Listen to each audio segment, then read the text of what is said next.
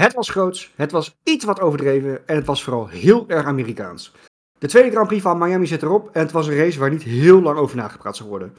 Met uitzondering van de prestaties van één man, want Max Verstappen heeft wederom laten zien waarom hij de absolute nummer 1 van Red Bull Racing is.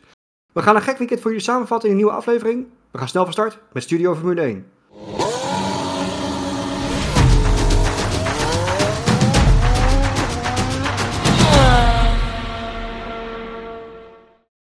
Mannen, welkom. Eh, kijkers, welkom. Luisteraars, welkom. Eh, ik ben jullie host Roy. Ik zit hier weer met, met, eh, met Chris, Hallo. met Marco Hey! en met Thomas. Ja, hi. In willekeurige volgorde.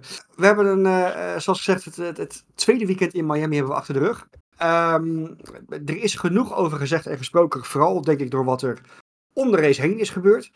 Wat vonden we ervan van het weekend zelf? Van, van de setting in Miami, van eh, hoe, hoe, het, hoe het was? Wat, eh, wat, wat, wat is de, indruk van jullie?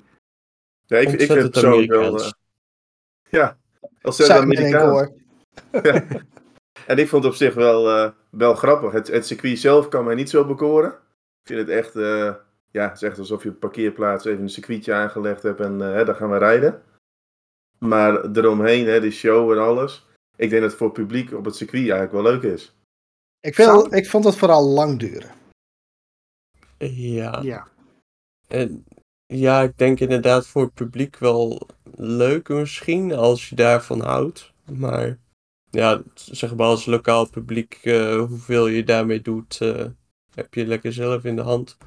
Ik, ik, eh, weet je wat ik vind? Ik vind het een beetje dubbel. Ze hebben heel goed gekeken naar, eh, naar de Indy 500, hoe ze dat daar doen. Daar hebben ze het verschrikkelijk goed van afgekeken. Het enige verschil is, hier op Miami zit amper Formule 1 liefhebber, maar meer aandachtsgeile fans. Of Nou, iets nou, in die nou. richting. Oh, sorry, het was, een, het, was een familieprogramma. Ehm, maar nee, het is meer een, een, een influencer show, laat ik het dan zo zeggen, dan dat er echt eh raceliefhebbers zitten. Ik denk dat daar dan weer het verschil zit. Ja, het is een beetje zien en gezien worden. Hè? Kijk, kijk mij er ook Ja. eh, bij zijn in Miami en eh moet je eens kijken hoe geweldig allemaal. Ja, en bij een Ja. Indy 500 zit je er echt om de Indy 500 te kijken en het spektakel erbij, wat erbij hoort. Klopt. Bij de Indy 500 zie je ook bijvoorbeeld, dat schiet me nu het eerste binnen, zie je ook eh, eh, op televisie zie je bijna nooit publiek in beeld of, of celebrities in beeld. Het is alleen maar de race zie je wat daar gebeurt, Ja. weet je wel. Dus Ja, ik, eh, ja, maar daar gaat het om. En hier, eh, er was zoveel, ook veel meer publiek in beeld dan de afgelopen paar races volgens mij. nou, die zat ik publiek, dat is ook wel een ding. Ja, Midden-Oosten komt er geen keer, maar De andere kant is wel. Kijk, Formule 1 is natuurlijk van oudsher een beetje de glitter en de glamour. En dat is hiermee wel weer teruggekomen. ja, Ja. daar kunnen we niet omheen. Op zijn manier. Ja, je moet, je, weet je, we hebben het natuurlijk al vaker gehad over hè, dat, dat, Amer- dat Formule 1 niet te veel eh, moet eh, eh, Amerikaniseren, of hoe je het maar wil zeggen. En dat is nog steeds wel voor mij in ieder geval een beetje een zorg. Kijk, het is leuk dat het een beetje glitter en glamour is, dat het echt wel het top of the top is. Maar het moet wel steeds om het racen gaan. En ik had af en toe wel het gevoel dat het hier wat minder om de race ging en meer om alles wat er omheen. En dat is eh, misschien voor de show als zich wel leuk, maar vanuit zowel, eh, sowieso vanuit de coureurs hoorde je best wel wat negativiteit. Maar ook vanuit best wel veel fans. En kijk, hoe het natuurlijk voor op de baan was, ja, dat, dat weet ik niet. Maar toch, eh, vanuit fans zie je ook wel voor heel, heel veel ja, kritiek op hoe het allemaal gepresenteerd werd. Dat het iets te veel uh, poeha was. Maar, nou, ja, maar dat hebben we ook met het sprintweekend natuurlijk gehad. Dus ook een beetje Ja. verandering eh, bre- brengt weerstand. Dus in dat opzicht vind ik dat ook allemaal niet, eh, niet zo gek. Maar ik denk eerlijk gezegd, als jij naar een race gaat en je ziet die coureurs een beetje aan, aangekondigd worden. Want normaal zit je, hè, ik ben ook wel eens naar een circuit geweest. In principe zit je gewoon naar een lege baan te kijken tot het gaat starten. Ja, dan heb je wel even iets om, om te kijken. Dus in dat opzicht zeg ik wel, voor de fan is het misschien leuk.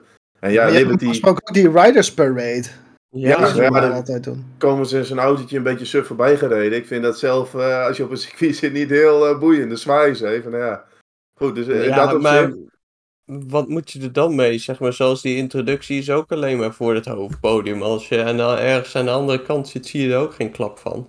Nee, dat klopt. Half Je hebt alleen scherm eh, misschien, maar de Ja. tribune bij start-finish, die heeft daar natuurlijk eh, wat aan. En ik denk, ja, wat het gewoon is, Liberty wil natuurlijk toch eh, ja, een beetje poot aan de grond krijgen in Amerika. En dan zul je toch een beetje met show moeten komen. Want ja, alles wat die Amerikanen leuk vinden, hè, neem met worstelen bijvoorbeeld, dat is ook zo- zo'n nep WWE. Ja, je hebt het met IndyCar, heb je, heb je het natuurlijk ook. Daar houden ze gewoon van daar. Ja, ja nee, dat, dat is wel waar. Nou ja, goed. Ehm, dat gezegd hebben we, gelukkig werd er ook nog wel geraced. Ehm, Nou. ehm, eh, ja, een beetje. Ehm, eh, een race die op zaterdag al een beetje door de war werd gegooid door ene eh, Charles Leclerc. Ja, we, kunnen wel een, een naar de zondag toe, maar we moeten toch de zaterdag een beetje meepakken. Aangezien dat toch wel een beetje de boel overhoop heeft gegooid voor, eh, voor de, nou, de, de startopstelling als zich. Want iedereen had wel verwacht eh, ik neem aan jullie ook dat een eh, M Verstappen wel in geval de eerste rij zou staan op, op, op zondagochtend, zondagmiddag, avond bij ons. Ehm, maar het voelt natuurlijk een beetje tegen aangezien Charles Leclerc hem in, in de muur zette. Wat maken we ervan? Hè? Want Charles Leclerc aan zich eh, maakt vaker een foutje in de kwalificatie in Q3. Dus het was niet de eerste keer. En is het een teken van hij gaat over het randje heen om toch een, een, een- prestatie neer te zetten? Of, of hoe, hoe zien we het? Ja, 100%. Een, een week geleden had hij een pol in Baku. Maar daar heb ik in onze vorige aflevering ook al gezegd. Als je die ronde terugziet, dat is zo op de grens. Er hoeft maar een heel klein iets te gebeuren en je hangt in de muur. Ja, en dan heb je een week later, dan gebeurt dat wel. En daar, ik, ik persoonlijk hou daarvan. Ik vind dat mooi. Die Leclerc die gaat in die auto zitten en die weet gewoon 110%. Dan kan ik misschien een pol rijden. Ja, de, mo- de monteurs zullen het niet leuk vinden. En of je, ja, ja, je mist ook een hoop punten natuurlijk. Maar ik hou wel van die aanpak, eerlijk gezegd. Ik vind het als kijker vind ik dat leuk. Dat vind ik mooi om te zien. En wat ik me vooral een klein beetje afvraag is. ehm, Natuurlijk voor, voor, eh, voor Charles is het echt een fantastisch, eh, fantastisch moment als hij pole kan rijden. Begrijp me niet verkeerd. Maar is dat het tegen Red Bull überhaupt waard om één of twee te gaan. om die auto op één of twee te parkeren? Want je weet dat je binnen twee, drie rondes ben je voorbij gezuist. Door, door een auto die gewoon elke ronde 20 kilometer harder loopt. Ik, ik zou dat het risico niet meer waard vinden. Ik denk zelfs dat ik zou zeggen van hey, kies alsjeblieft voor de veilige optie en zet hem gewoon netjes op drie of vier neer en dan ben je klaar. Goed punt. Ja. Heel goed Ja. punt. Ja, maar dat is toch een Leclerc die stapt altijd in een auto. Hij wil gewoon altijd bovenaan staan. En ook al heeft hij dan misschien in de race niet de Tuurlijk. kans. En er speelt ook wel mee, die, die Ferrari was vooral dit weekend best wel eh, zenuwachtig. En als je dan een klein foutje maakte, want bijvoorbeeld Max maakte natuurlijk ook, en daarom moest hij P9 starten. Maakt natuurlijk een klein foutje. Ja, en dan, eh, maar op zo'n circuit, dan word je best wel snel word je dan afgestraft. En bij Leclerc ging het gelijk vol de muur in. Tra- Overigens vond ik dat nog wel opvallend, want hij ging volgens mij bij 2 minuten 20 stond nog op de klok, ging hij de muur in. En ik vond dat best wel lang duren voordat de rode vlag eh, viel. En als ik dan aluminium hoedje opzet, had ik, de, had ik de indruk dat ze het ook wel misschien wel fijn vonden dat die grid een beetje door elkaar gemixt was op deze manier. Oh, gaan Ik we vond, weer. ik, vond het, ik vond het persoonlijk lang duren, die rode vlag. Vond ik een beetje vreemd. Ik heb ver gezocht. Ja, misschien Maar- wel. Nou, kijk, weet je, het ding was natuurlijk wel. ehm, dit was 100%, 300% duidelijk een rode vlag situatie überhaupt. Dus in die zin snap ik wel waar Thomas naartoe wil. Ik verwacht niet dat het opzettelijk gedaan is, maar het is wel een hele rare en vooral later call. Is dat wel? Ik ga met Thomas mee. Oh god. Ja. Ja, maar die auto ging daar nooit meer... Het is, dit is niet op basis van alleen dit moment, maar op iets wat ik in de afgelopen jaar, misschien jaren, af en toe wel terug zie komen. Dat ze soms net wat langer wachten totdat er of iets minder mogelijk is, of dat er... En dan hebben we het niet over, over dat moment eh, Hamilton Verstappen in de laatste race van, eh, van het seizoen 21. Daar, daar heb ik het nog niet eens per se over. Dat, was, dat, dat staat buiten kijf wat er allemaal aan de hand was. Maar wel wat meer van die dingen met even wachten met een rode vlag of een gele vlag. Tot het moment daar is dat ze eigenlijk al keuzes gemaakt moeten worden om die spanning een beetje in te houden. Ook tot het moment zelf. Je zag het twee races geleden met Russell die opeens te vroeg naar binnen ging. Ja, want die auto van safety Leclerc, dat zag je direct al. Die ging er nooit van zijn leven meer, eh, meer wegkomen. Dat was al zo duidelijk als wat. Ja, het duurde wel volgens mij al 40 seconden voordat dan die, die vlag viel. Maar eigenlijk moeten we Leclerc dankbaar zijn. Want daardoor kregen we wel een interessante race op zondag.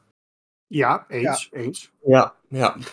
Ik ben een beetje flabbergasted door- deze, door deze claim. Maar dat, nou, eh, goed. Laten we het over het race hebben. Nee, eh, we hebben het wel een, eh, een beetje een shake-up gehad op de grid. En ik wil toch in ieder geval direct ook mijn top aanraken. Eh, want Verstappen P9, nou we weten allemaal, hij zei het zelf eigenlijk ook al. Ik vond trouwens sowieso zijn reactie op zaterdag gewoon heel professioneel. Ook gewoon niet eh, lopen bashen en vloek van eh, Leclerc in de muur, rode vlag, uh, genaaid en noem maar op. Nee, gewoon van joh, mijn eerste ronde was gewoon kut. Het was mijn eigen fout geweest en nu moet ik op de blaren zitten. Vond ik heel top.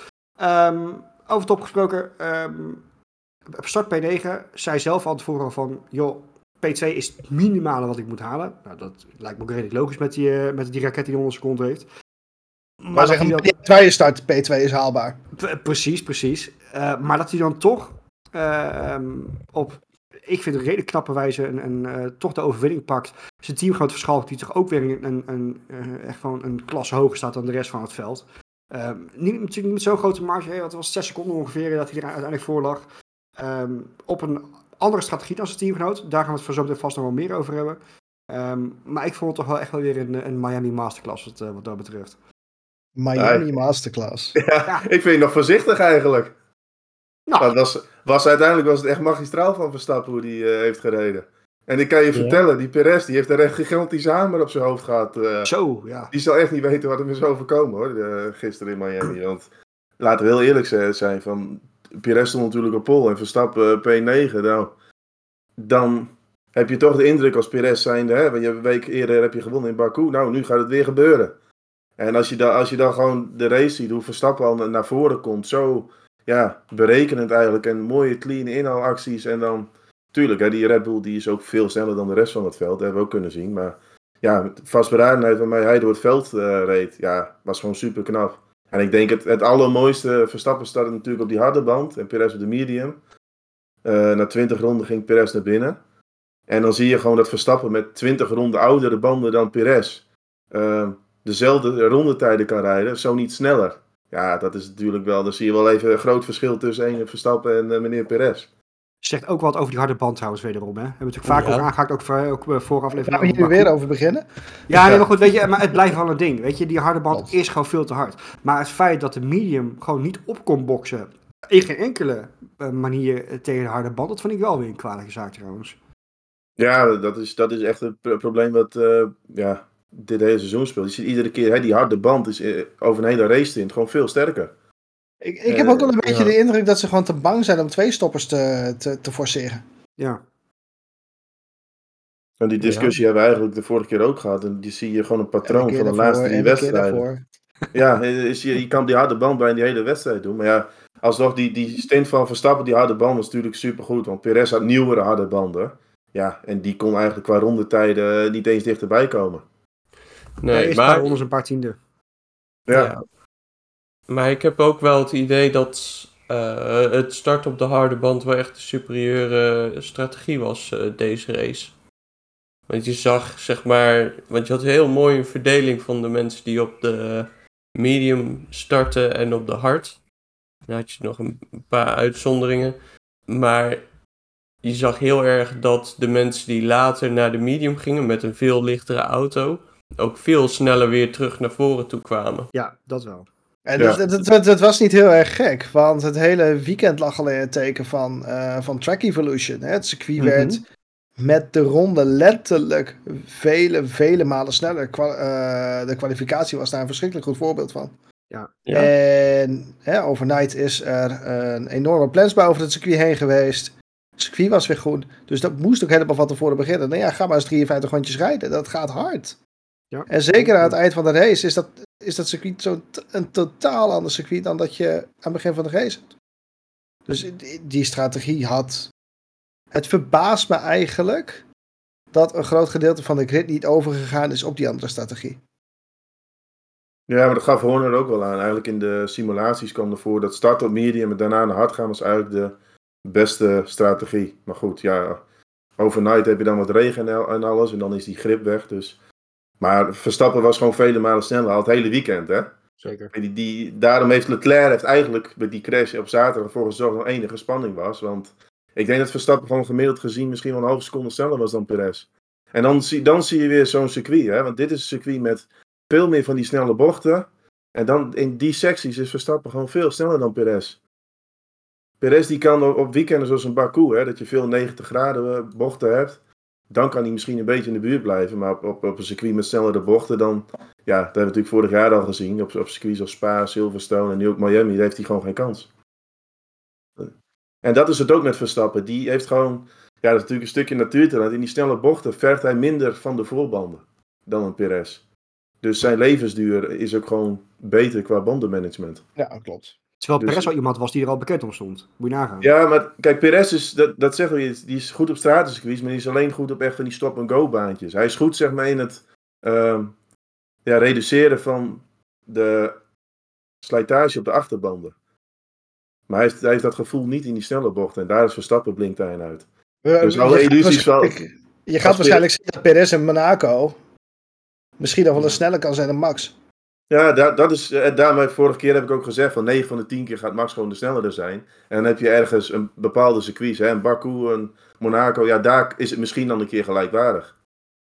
Dat is gewoon, eh, ja, alle illusies die, die Perez had op een wereldkampioenschap, nee, dat, eh Hm, dat wordt keihard de grond ingetrapt. Dit was wel een hele pijnlijke wat dat betreft hoor. Voor, eh, nog een week geleden liep hij eh, met zijn borst vooruit eh, de kans hebben. Natuurlijk, en hij gelooft dus dat die kans hebben, is daar niet van. Ik wou Maar- net zeggen, dat, dat, dat staat nog steeds. Die- kans is er nog steeds. Laten we niet vergeten hoe zo'n ou- hè, hoe zo'n klein puntenverschil er nog steeds tussen zit. Is Ja, zo. dat is het. Want in feite wordt hij helemaal zoek gereden. Maar ja, Verstappen loopt maar zes punten uit in zo'n race. Of nee, zes punten zegt niet goed, nee, acht punten. Klopt. En weet je, kijk naar 2016. eh, eh, één plof en het kan helemaal omgedraaid zijn. Weet je, dat is het ook. Dus, ehm, ehm, maar goed. ehm, wat ik nog wel heel typisch daarin vond. Dat doet hij normaal gesproken doet hij het nooit op deze manier. Maar toch eventjes het alfamannetje kwam er een beetje naar boven. Toen na de finish dat hij uitstapte, ging hij even op zijn heugen zitten. Even die, op, de, op de camera die nummer 1 aantikken op zijn auto. Zo van, kijk, eh, ik ben het nog wel, weet je wel. Dus dat was ik van, oeh. Ja, maar het was hartstikke terecht na deze Ja, race. is, is het ook. Ja, maar, Ja, groot gelijk, weet je. Want je krijgt naar Baku, krijg je toch weer hè, de media gespeculeerd. Ja, Perez die zit erbij, zus en zo. Nou, dat gaat helemaal niet gebeuren. Kijk, Verstappen is gewoon een van de beste rijders ooit. En Perez, dat heb ik vaker gezegd, misschien een subtopper, zeker een middenmotor. Die komt daar belangen na niet in de buurt. Nee, klopt. Ehm, Ja, nou, wat ik goed. ook nog wel leuk vond trouwens, van Verstappen werd natuurlijk een beetje, ja, er waren veel Mexicanen daar ook op die tribune. Ja goed, die zijn behoorlijk eh, fanatiek. Verstappen werd natuurlijk een beetje uitgejoeld. Maar die zei zelf al van ja, van, eh, het is alleen maar goed dat ze dat doen, want dat betekent dat ik steeds aan het winnen ben. ja, precies. Ja, dat is ook alweer zo. Ja. Nou, goed. ehm, over eh, subtoppers gesproken. Ehm, mijn flop is, eh, was eh, wel iets minder dan een subtopper dit, dit weekend. Ehm, ik kies in dit geval voor Lance Stroll. En we hebben hem natuurlijk vaker genoemd. De ene keer is het een top en de andere keer is het een flop. Dat is, dat is ook echt letterlijk zo trouwens. Ik, ik blijf het een beetje apart vinden. Maar dit was gewoon slecht. Ehm, eh, de kwalificatie gewoon beroerd. Ook door een hele rare strategie bij Aston Martin. Ik vind hem zelf in ieder geval nog heel raar. Als ik me goed kan herinneren, beide runs op dezelfde set banden, als ik het goed eh, zeg. Ja. Ehm, Ja. Nou, dat werkt natuurlijk perfect, maar niet heus. Eh, Alonso was ook op de, met de hak over de sloot. Dus, ehm, maar het feit dat hij ook in de race gewoon geen vuist kan maken. Nu was het volgens mij ook zo omdat die auto niet bepaald te hard, eh, eh, eh, niet bepaald hard loopt op het rechte stuk.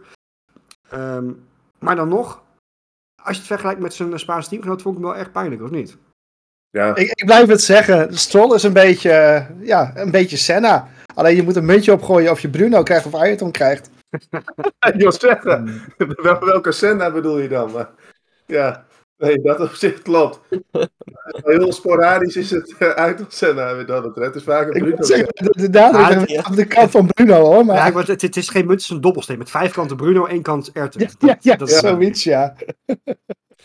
Ja, nee, want het was eigenlijk wel jammer eh, van Stroll. Want Aston Martin had het eh, vooral op de zondag best wel goed voor elkaar. Ja, dan staat je als achttiende. En dan eh, kom je die DRS-trein eh, terecht op zondag. En kwam ook niet echt lekker meer eh, naar voren, eerlijk gezegd. Nee, en Nee. dat viel me wel tegen. Want die pace van Aston Martin, dat zag je bij Alonso ook, was op zich best redelijk. Ja, zeg maar. Zeker. Bij Alonso wel. Ja, ik vond Alonso Stroll- eigenlijk verschrikkelijk sterk. Ja,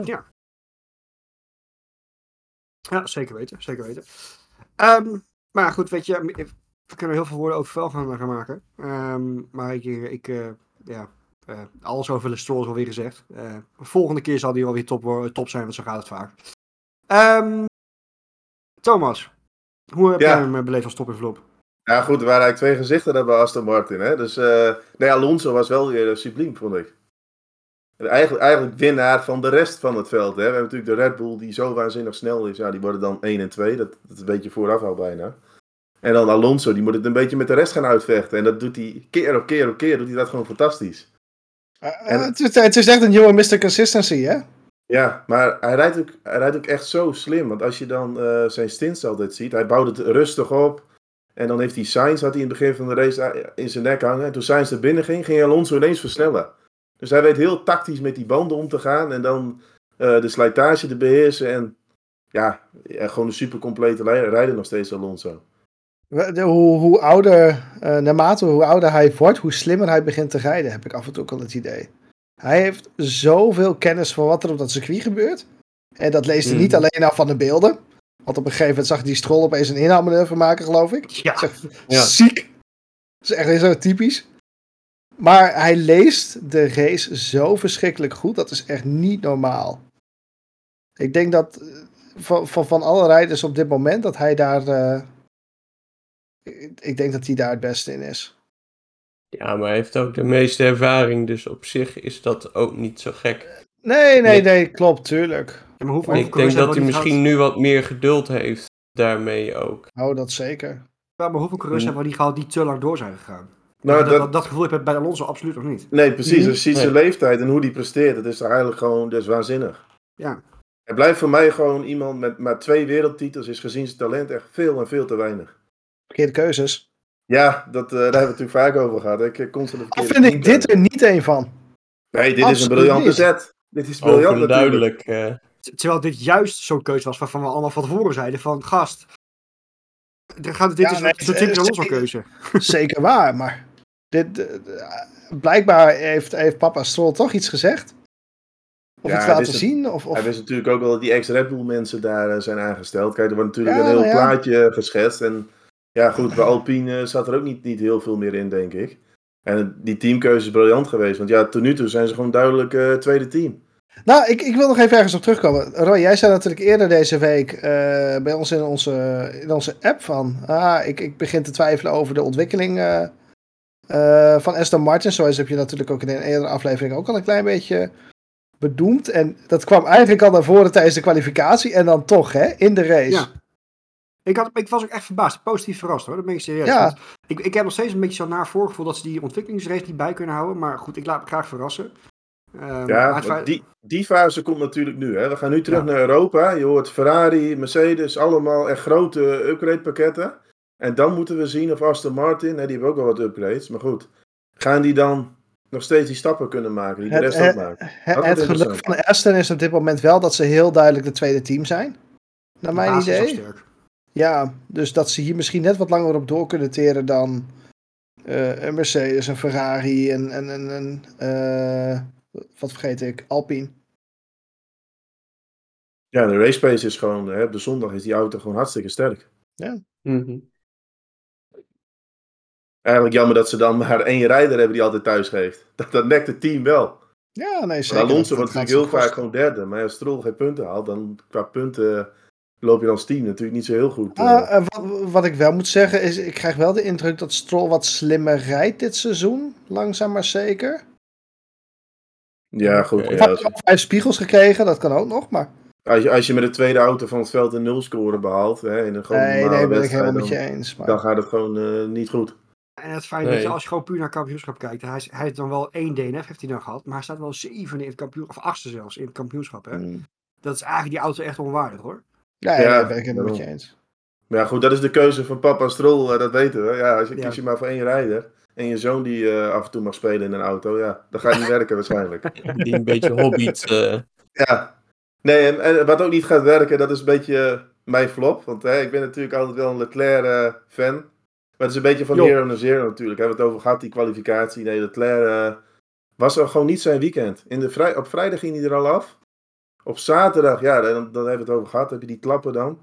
Ik persoonlijk, ja, ben nog steeds, ik hou daarvan. Want ik zie gewoon liever, iemand altijd de volle bak voor gaan. dan dat hij, eh, ja, op rijdt. Daar hou ik nooit zo van dat ze drijven. Vind ik altijd van die grijze muizen. Dus in dat opzicht, eh, dat, dat vind ik mooi. Maar ook op zondag, eh, vooral die eerste stint, was echt zwak. En misschien ook in breder perspectief, heel Ferrari was vooral in de wedstrijd ontzettend eh, zwakke racepace. Het bekende, bekende verhaal natuurlijk. Hè, over één ronde, dan kunnen ze die banden snel op temperatuur krijgen. En dan kunnen ze soms in de buurt van Red Bull komen. Maar dan in de wedstrijd, ja. Tempo is het totaal niet. En wat denk ik ook wel een klap in het gezicht is geweest. Ze hadden natuurlijk een nieuwe vloer eh, meegenomen. Maar als de commentaren van de rijders hoor, was die auto hartstikke onvoorspelbaar. De ene keer onderstuur, dan weer overstuur. Ja, dat is niet, dat is niet goed.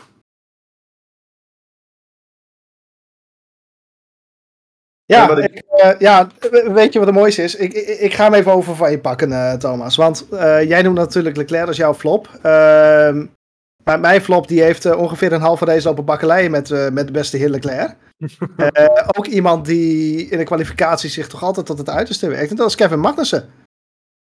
Parkeert die auto op P4 in een kwalificatie. En ik vond hem in gevecht met, met, met een Ferrari, met een, nou ja, een baby Ferrari, vond ik hem verschrikkelijk sterk. Ja, dat, dat, dat is wat fantastisch. Maar dat is ook Magnussen. Die gooit altijd zijn ellebogen naar buiten. Maakt niet uit wie er achter hem zit. zeker. Echt, hè? Ja. Echt. Hij hield het echt zoveel langer vol dan ik van tevoren had verwacht.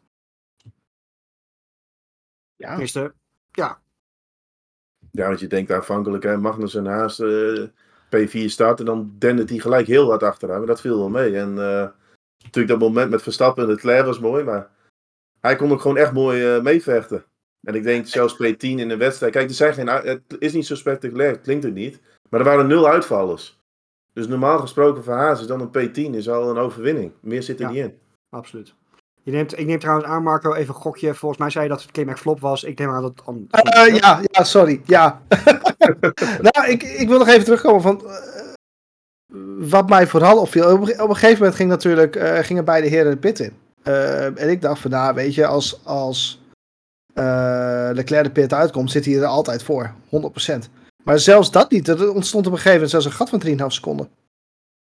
Dat ik dacht van, maar hoe dan? Wat, hebben, wat doen ze daar bij Ferrari dan op dit moment dan gewoon mis? En het, het kan voor mijn gevoel ook gewoon niet. Het- dit mag nooit gebeuren. Ja, en pas aan het eind van de race kwam Leclerc er een beetje doorheen en kwam die er nog wel eh, voor. Maar dat is, Ja. dat is een beetje waar men, eh, wat men zegt over Ferrari, wat het, wat het probleem is.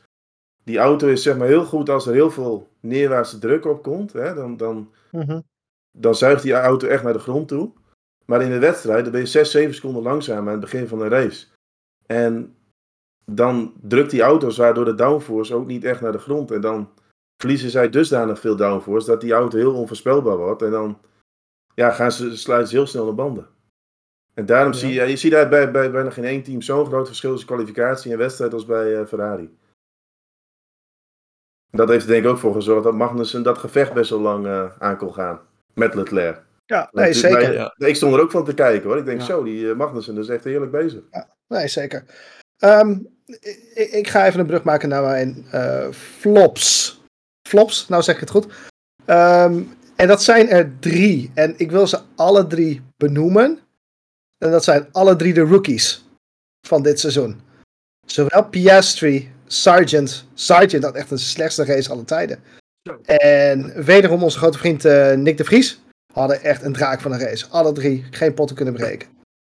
Nou, Nick Nee. wel Q2 Nick kwalificatie, maar dat maakt juist de, het resultaat in de race voor hem, voor mijn gevoel, nog erger. Want dat Ja. bete- dit zegt namelijk dat die auto meer kan dan dat hij zelf laat zien. Ja, Toch goed. nog. Dus de start ging gelijk al mis. Hè? Ging eh, tegen een beetje bumper kleven bij eh, meneer Norris. Ja, ja, dat was misschien de enige pot die hij had kunnen breken, maar... eh, Letterlijk. ja, maar ja, dit, was wel echt triest. Van, eh, nou moet ik wel zeggen dat ik later hoorde dat Piastri eh remproblemen had. Eh, waardoor zijn tempo zeg maar wat achteruit ging. Want aan het begin ging die best wel lekker. Toen had hij wel wat plekken gepakt in de eerste twee rondes of zo.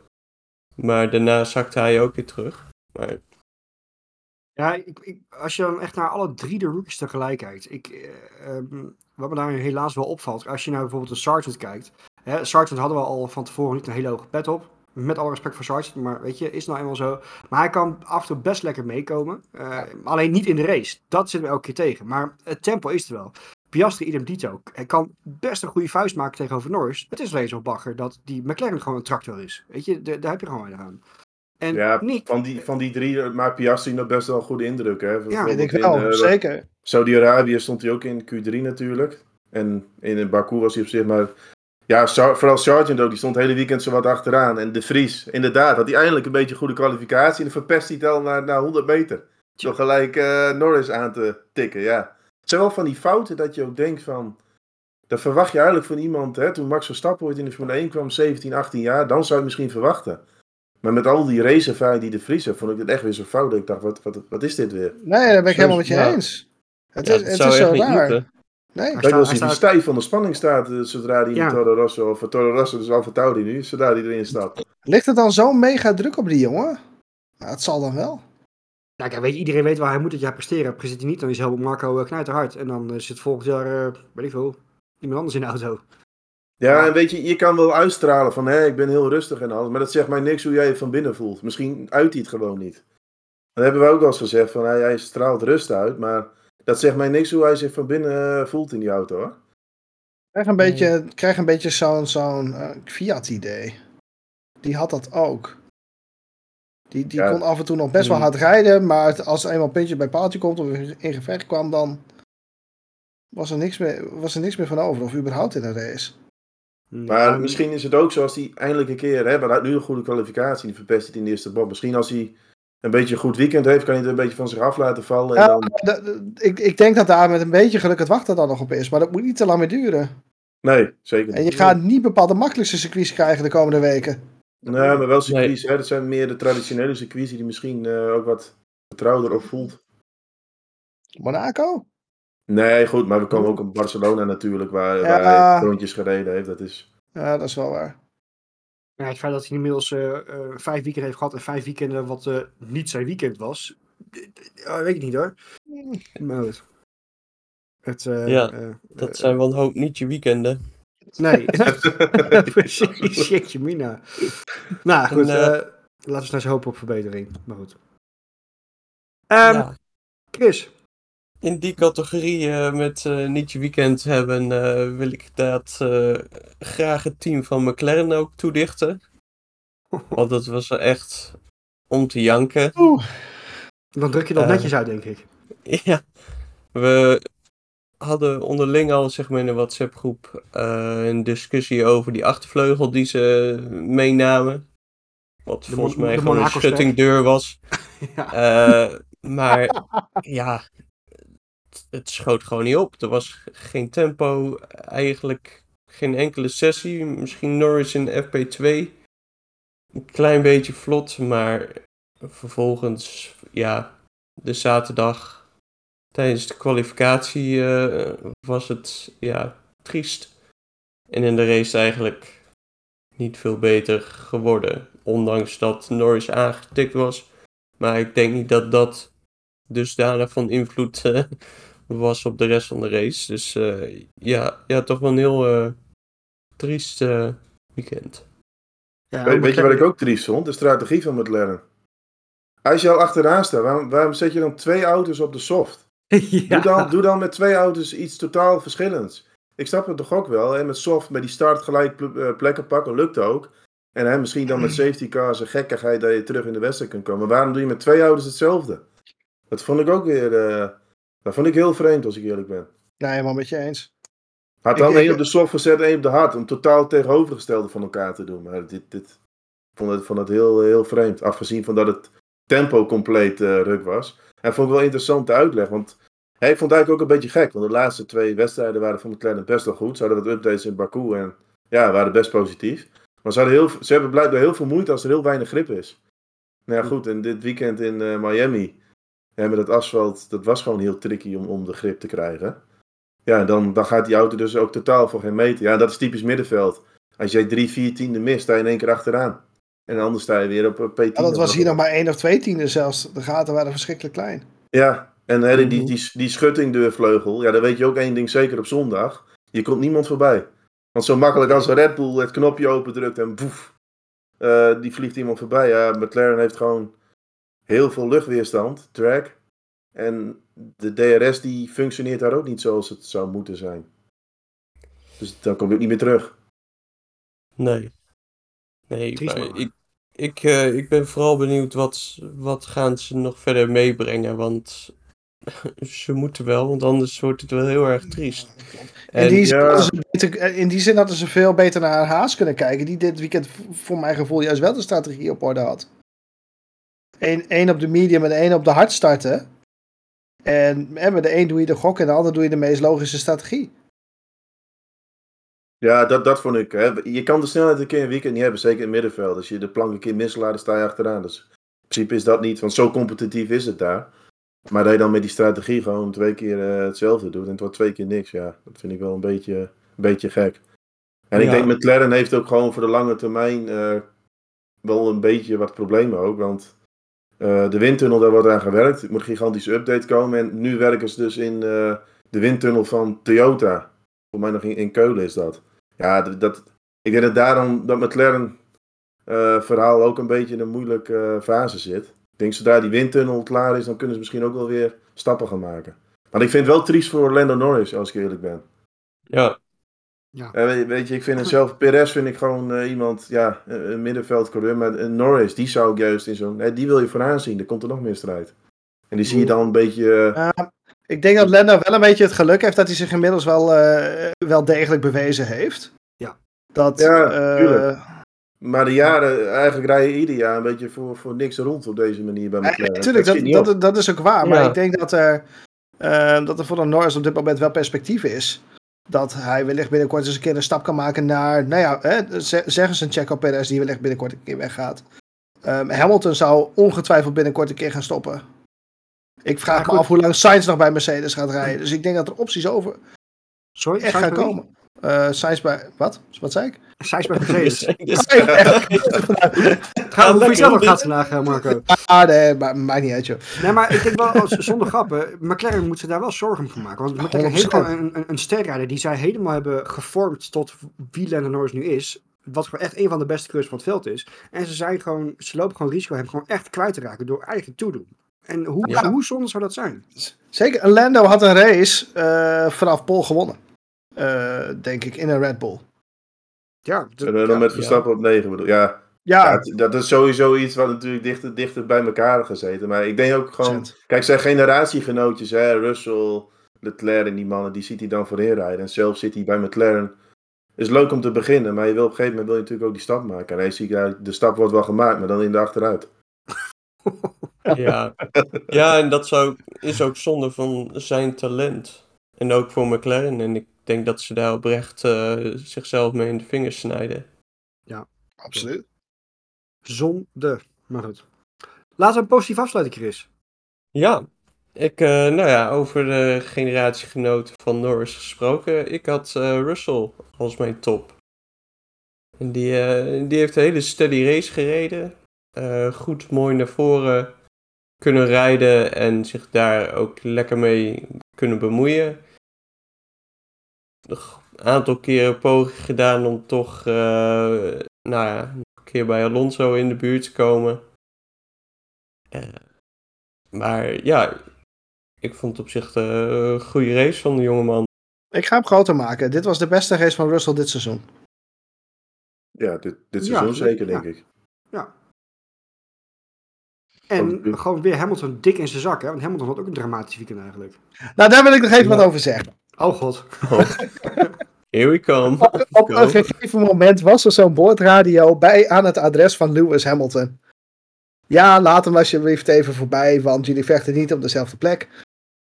Waarbij ene Lewis Hamilton zegt, ja, hij mag al langs, maar ik ga niet afremmen voor hem. Wat gebeurt er één ronde later? Deur wagenwijd open. Ik, Ik ik, denk ik, dat- zie dat, Ik denk dat Bono een beetje boos geweest is. nou, ik, ik zie dan gewoon meer op zo- zo'n Toto Wolf, op zo'n verborgen kanaal van de, de, Ja. de, de fuck you do, weet je, van eh, echt... nou, dan zou ik je wat leuks vertellen. Ik heb dat, ik heb dat teruggeluisterd op internet. Ze kon je het terugvinden. Toto Wolf die sprong inderdaad in van je gaat gewoon naar de kant. oh, Oh, shit. Dat is, Oh dat is, shit. dat is, dat is letterlijk gewoon gebeurd. Van, eh, je gaat gewoon luisteren naar ons, klaar. Louis, Goed. dit is Toto. Oeh, dat wist ik niet. Oeh, dat wist ik niet. Dus dat was wel, eh, wel een dingetje. Oeh. De Maar grote Russell- van Toto Wolf. Ah, heerlijk. Vind ik mooi. Oh. Maar Russell heeft ook gewoon zo'n man die het maximale uit zijn eh, weekend uiteindelijk heeft gehaald. Want Mercedes had ook Ja. wel weer zo'n zo'n raar weekend. Hè? Kwalificatie best wel zwak. En dan eigenlijk tegenovergesteld van Ferrari. Ferrari heeft een goede kwalificatieauto, maar een waardeloze auto in de race. Mercedes heeft vaak een matige auto in kwalificatie, maar komen in de race wel weer terug. Ja, ja, is ook zo. Ja. En ja, wa- wat je bij Mercedes vooral hoort is eh, ja, de hoop op Imola. Want dan schijnen ze met een eh, compleet andere vering aan de voorkant te komen, de vloer en ik weet niet wat allemaal. Maar daar kijken ze heel erg naar uit, eh, Hamilton en, en Russell. En ik vind het altijd wel, ik vind dat wel een heel interessant teamduel. Want ik denk dat er nergens in het veld twee rijders zijn die zo aan elkaar gewaagd zijn als Russell en Hamilton. Ik vind het, het een van de meest... Eh, ja. Magnussen Hulkenberg? Ja, dat zit ook heel dicht bij elkaar. Maar Ja, de het- kwalificatie in de race denk ik wat minder. Maar Kon Gasly ook wel, denk ik. Ja, die zitten. Maar bij Mercedes is het natuurlijk ook wel leuk, hè? De, de, de niveau ligt gewoon hoger daar. Ja, Ja. En, en natuurlijk een Russell, hè, groot talent. Wat kan die? En tot nu toe laat hij zich gewoon hartstikke goed zien. En hij is ook gewoon heel constant in, in de wedstrijden, vind ik. Doet Zeker. weinig gekke dingen. eh, kan Hamilton gewoon goed aan. Dat hebben we vorig jaar ook al gezien. Dit jaar weer. Dus ja, dat is... ja, hij wat geks. Ik wou het zeggen, volgens mij heeft hij een van de meeste penalty points van de hele grid op dit moment. Eh, ja. ja, Als hij dat- ik wil dat zeggen, wel hij, wil, nog wel- hij wil nog wel eens een keer wat veroorzaken. Maar Het is niet de in de rijder. nee, misschien ook daarom wel leuker om te zien, denk ik. Ja, maar dat is hetzelfde met Leclerc. Kijk, bij Russell ook. Hij weet, hij weet, ik heb de auto niet. Nou, dan moet je wat meer risico ergens gaan nemen. Anders... In een Red Bull... Russell is een beetje tegenovergestelde van Leclerc. Ook juist in race situaties is hij veel meer elbows out. Ja. Ja, maar dat heeft denk ik ook weer mee te maken dat Mercedes is vaak in de race heel sterk. Dus kun je aanvallen. En Ferrari moet het meer van die, van die kwalificatie hebben. Kijk, Maar ik, ik hoop echt dat Mercedes toch die stap kan maken. Want ik zit eigenlijk wel op te wachten dat we dan zo'n Russell Verstappen eh, Oh. gevecht, ja, gevecht krijgen om de overwinning. Ja. Ja, ik Ja, denk dat dat Russell gemener is dan Hamilton. Ja, hij is wat zeker, ja. sneaky. Hij, hij komt als een gentleman over, maar het is eigenlijk gewoon een ratje in de wedstrijden. Ja, maar ik vind dat heerlijk. Ik vind zijn, eh, zijn boordrijd ook zo mooi. In Baku ook van, oh, sugar. En hier ook weer, blimey of crikey of zo, weet ik wat hij zei. Dat, eh, er heerlijk. Brits. Ja, heerlijk.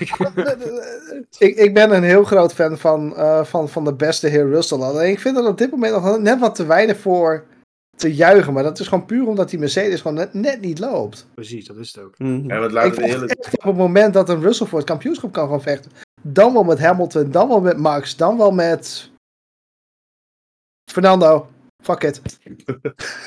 Ja, maar het is een verademing ten opzichte van Bottas. Want eh, die, Ja. die had geen ellebogen. Er ging helemaal geen ellebogen naar buiten. Die zet, die zet alleen maar deuren open. Dus wat dat betreft ben ik er ook wel enthousiast over. Je hebt een Schuttingdeuren. Ik was Bottas zet die schuttingje van McLaren weer open. Ja, hier. Het cirkel is weer rond.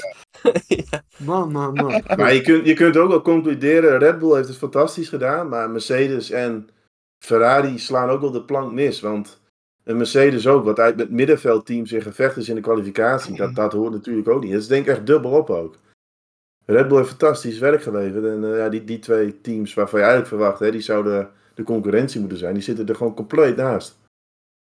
Ja, super wisselvallend. Kijk, weet je, het is ook, het is, het is ook niet zo. Red Bull eh, zit ehm, eh, nu ook in een positie dat ze ook. Het klinkt misschien een beetje raar, maar ze, mogen steken laten vallen. Als zij een keer een flutweekend hebben, ja, hoe de fuck cares? Er is niemand die ze op de hielen zit. Nee, Eh, in het kampioenschap, in het, weet je, dat, dat maakt ook zo, zo zuur voor de fans in ieder geval. En ja, des te knapper van hoe Red Bull natuurlijk doet. Maar Ja, ik denk wel dat Horner overigens heel blij was dat het eh, vrij clean ging tussen Verstappen en Perez. Want heeft hij zelf ook al aangegeven.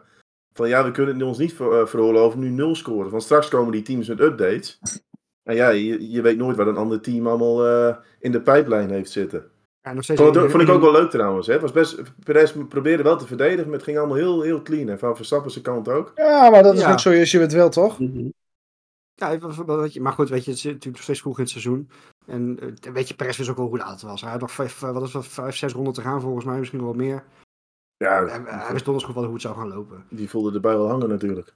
Maar nog wel eventjes, eh, we hebben het natuurlijk al vaak aangekaart, maar ik, ik heb nog steeds wel de, de, de, nou, de angst, is misschien een groot woord, maar eh, ik, ik denk nog steeds dat Red Bull de ontwikkelingsrace wel ehm, ehm, gaat verliezen, maar andere teams gaan harder inlopen, want ze hebben gewoon steeds die penalties van, de- van de budget cap. En ik denk echt dat het, dat het impact gaat hebben. Hun basis is mega sterk, maar andere teams hebben gewoon meer ruimte. En ik hoop echt dat dat gaat betekenen dat ze wat dichter erbij komen, want Laten we het hopen. wel, Want eh, kijk, eh, het is super dat Verstappen wint. Maar vijf races en vijf keer een Red Bull die eerste wordt. Waarvan vier 1-2's. Dat bedoel ik. Ja, dat is natuurlijk voor de algemene spanning natuurlijk niet, niet heel super. Maar weet, weet je, eh, eh, Roy, jij hebt natuurlijk de vorige keer gezegd, hè, ik haal het nog even weer aan. Eh Aston Martin zou, weet je, daar, daar, daar bestaat misschien dan een klein beetje de angst voor dat die de minst grote stap zou kunnen zetten, of juist die Hmm. ontwikkeling verliest. Maar op de cap, op het budget, hebben ze het meeste van, al, van alles in de top 4 op dit moment. En ook de meeste Qua win- qua windtunnel. windtunnel. En de meeste, ja nee precies, dus hè, de meeste cap en de meeste windtunnel. Dus ze zouden in theorie juist de grootste stap moeten kunnen maken. Klopt. En dan, Ik, dan ik de ben heel erg bang voor, ja, ik ben heel erg bang voor Ferrari. Dat ze gaan wegzakken. Ja, kan ook. Ja, Kan ook. ja dat, dat denk ik sowieso al wel. Want Je zag het vorig jaar aan het eind van het seizoen ook wel. Hè? Williams, de gedoodverf, eh gedoodverfde achteraan, achteraan ligger, kan toch terug. Ja, dat kan ook. Hè. Dus, eh, soms is het ook eh, een paar veranderingen aan de auto kan best wel grote uitwerking hebben Ja, natuurlijk. je moet ook maar net. Weet je, je moet, je moet maar net te pakken hebben. Maar Red Bull heeft natuurlijk wel een heerlijke positie. Ze hebben nu die, die voorsprong. Ja goed, dan kunnen ze waarschijnlijk vroeg de kampioenschappen zeker stellen. En dan kun je alweer richten op volgend seizoen. Dat wel. Dat is natuurlijk wel echt... eh, en en hè, het gaat wat zij hebben, voordat dat dicht eh, gereden is, nou... Het is wel echt een serieus gaat, want als je het over een hele race... Stel dat Max Verstappen nou van Pol was gestart. Dan was Alonso denk ik echt een 40 seconden gereden. Oeh, ja. Ja, Mhm. Dan was dat gaat echt gigantisch geweest. Kijk, En is Perez bijhalen, want eigenlijk moet je op een normaal circuit, hè, dan moet je rekenen dat Perez 10 tot 15 seconden achter Max zit.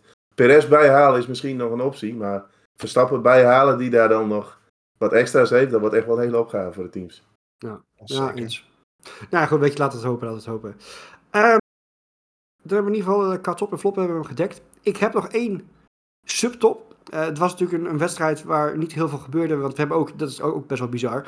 Niet alleen hebben we nul uitvallers, we hebben ook letterlijk nul gele vlaggen. Gewoon niks na de noppers. Niemand naast de baan, geen spinnetje, helemaal niks. Dat was ook wel bijzonder. Maar ik heb één subtop en ik weet niet of jullie weten wat ik dan bedoel. Mijn subtop is namelijk Jackie Stewart. En weet, hebben jullie het fragment gezien? Eh, de gridwalk van Martin Brundle. Die wilde op een gegeven moment Roger Federer eh, wilde die interviewen. Die stond eh, achter een beveiligingsrij van beveiligers. En Jackie Stewart denkt: Fuck you, ik ga door die beveiligers heen. Ik trek even Roger Federer aan zijn strot. Zo van: Ik wil even een interview. ik denk dat de meeste oude vent van, van weet ik hoe oud hij nu is. Gaat gewoon door een beveiligerslijn lijn heen. En, en trekt er een, een, een, grote, een groot sportman even aan zijn aan zijn hesje van: Hey, kom eens even. Nou, dan ben je wel een baas. Dat, dat, dat, is van- dat vind ik dan wel van die mooie momenten die dan, die dan wel weer kunnen. Eh, Ja, vind ik mooi. eh, maar goed, weet je, we, we hebben natuurlijk meer van die dingen gezien. Maar het, was- het was wel weer een, eh, een echt typisch Amerikaans weekend in ieder geval. En bedenk je wel eventjes, hè, dit was misschien af en toe al heftig en cringy en overdreven. We moeten nog naar Las Vegas, hè? Ja, het wordt Be- alleen nog maar bedenk je dat eventjes. Ik, ik man, blijf man. het zeggen, ik, ik, ik hoop het ook. Maar ik verwacht het ook wel een beetje dat Las Vegas toch een beetje de nieuwe Monaco gaat worden. Ja, wie weet. Het, het is een heel ander type baan, dat is het natuurlijk wel. Maar ja, weet je, de, de setting is nog steeds briljant. Weet je, de, dat, dat, sowieso. Maar goed, daar gaan we later in het jaar gaan we natuurlijk op vooruitblikken en terugkijken. Noem gewoon maar op. En eh, we gaan eh, kijken wat het wordt. Ehm, volgens mij hebben we het wel weer gedekt. Ehm, op zich natuurlijk niet heel lang eh, hebben nodig gehad, maar toch hebben we toch het talent om het weer een aflevering vol, vol te lullen. Dat vind ik toch wel weer knap altijd. Ehm, of hebben we nog een nabrandetje voor nu? Want we gaan natuurlijk niet Ja. vooruitblikken. Nee, over dat vooruitblikken gesproken. En ik heb wel leuke nabranden nu.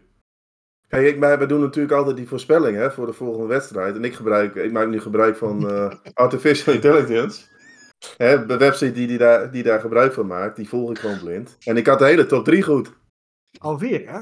Dus ik zou echt zeggen tegen de luisteraars, zeg ik tegen jullie, je moet gewoon mee met de toekomst. Dat AI, dat is gewoon eh, fantastisch. Ik doe dat nu twee wedstrijden op rij en eh, de voorspellingen, het is allemaal, eh, nee, geweldig. Wat, wat heeft het je opgeleverd, Thomas? Ja, een bak aan punten. Een bak aan punten. Misschien moet er iemand een keer een AI bedenken voor de staatsloterij. Dan weet je ook welk lotje moet komen. Jezus, dat zou, Ja.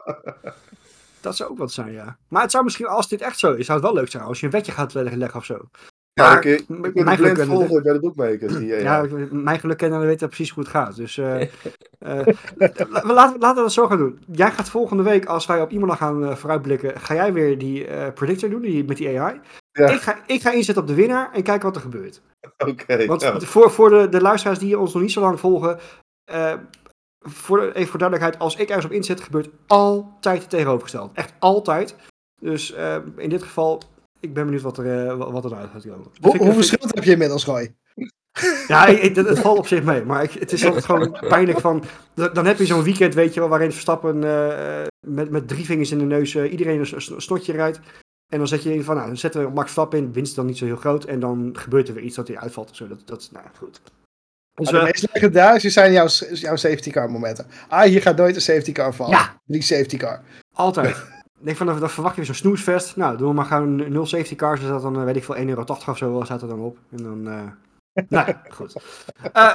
Uh, gokken is heel, is heel slecht en verslaafd en zo, dus niet doen. even, ook eventjes... Hey, pa pas ermee op of zo. Ah, je past mee op. Gok met maten, weet ik veel. Nou, ik gok met mijn maten. Nee, jongens, het niveau gaat zakken. We moeten, moeten er aanbreien. Um, dank jullie wel. We gaan, uh, we gaan natuurlijk volgende week gaan we lekker vooruitblikken op de eerste Grand Prix echt op Europese bodem. Ik ben heel benieuwd wat daarvan gaat, gaat komen met vooral de upgrade pakketten en dergelijke. Maar daar hebben we nog genoeg, genoeg tijd voor. Ehm, voor nu, mannen, dank jullie wel voor alle input, voor de leuke aflevering. Um, luisteraars, wederom bedankt voor het luisteren. Kijkers, bedankt voor het kijken. En tot de preview voor de Grand Prix van Imola.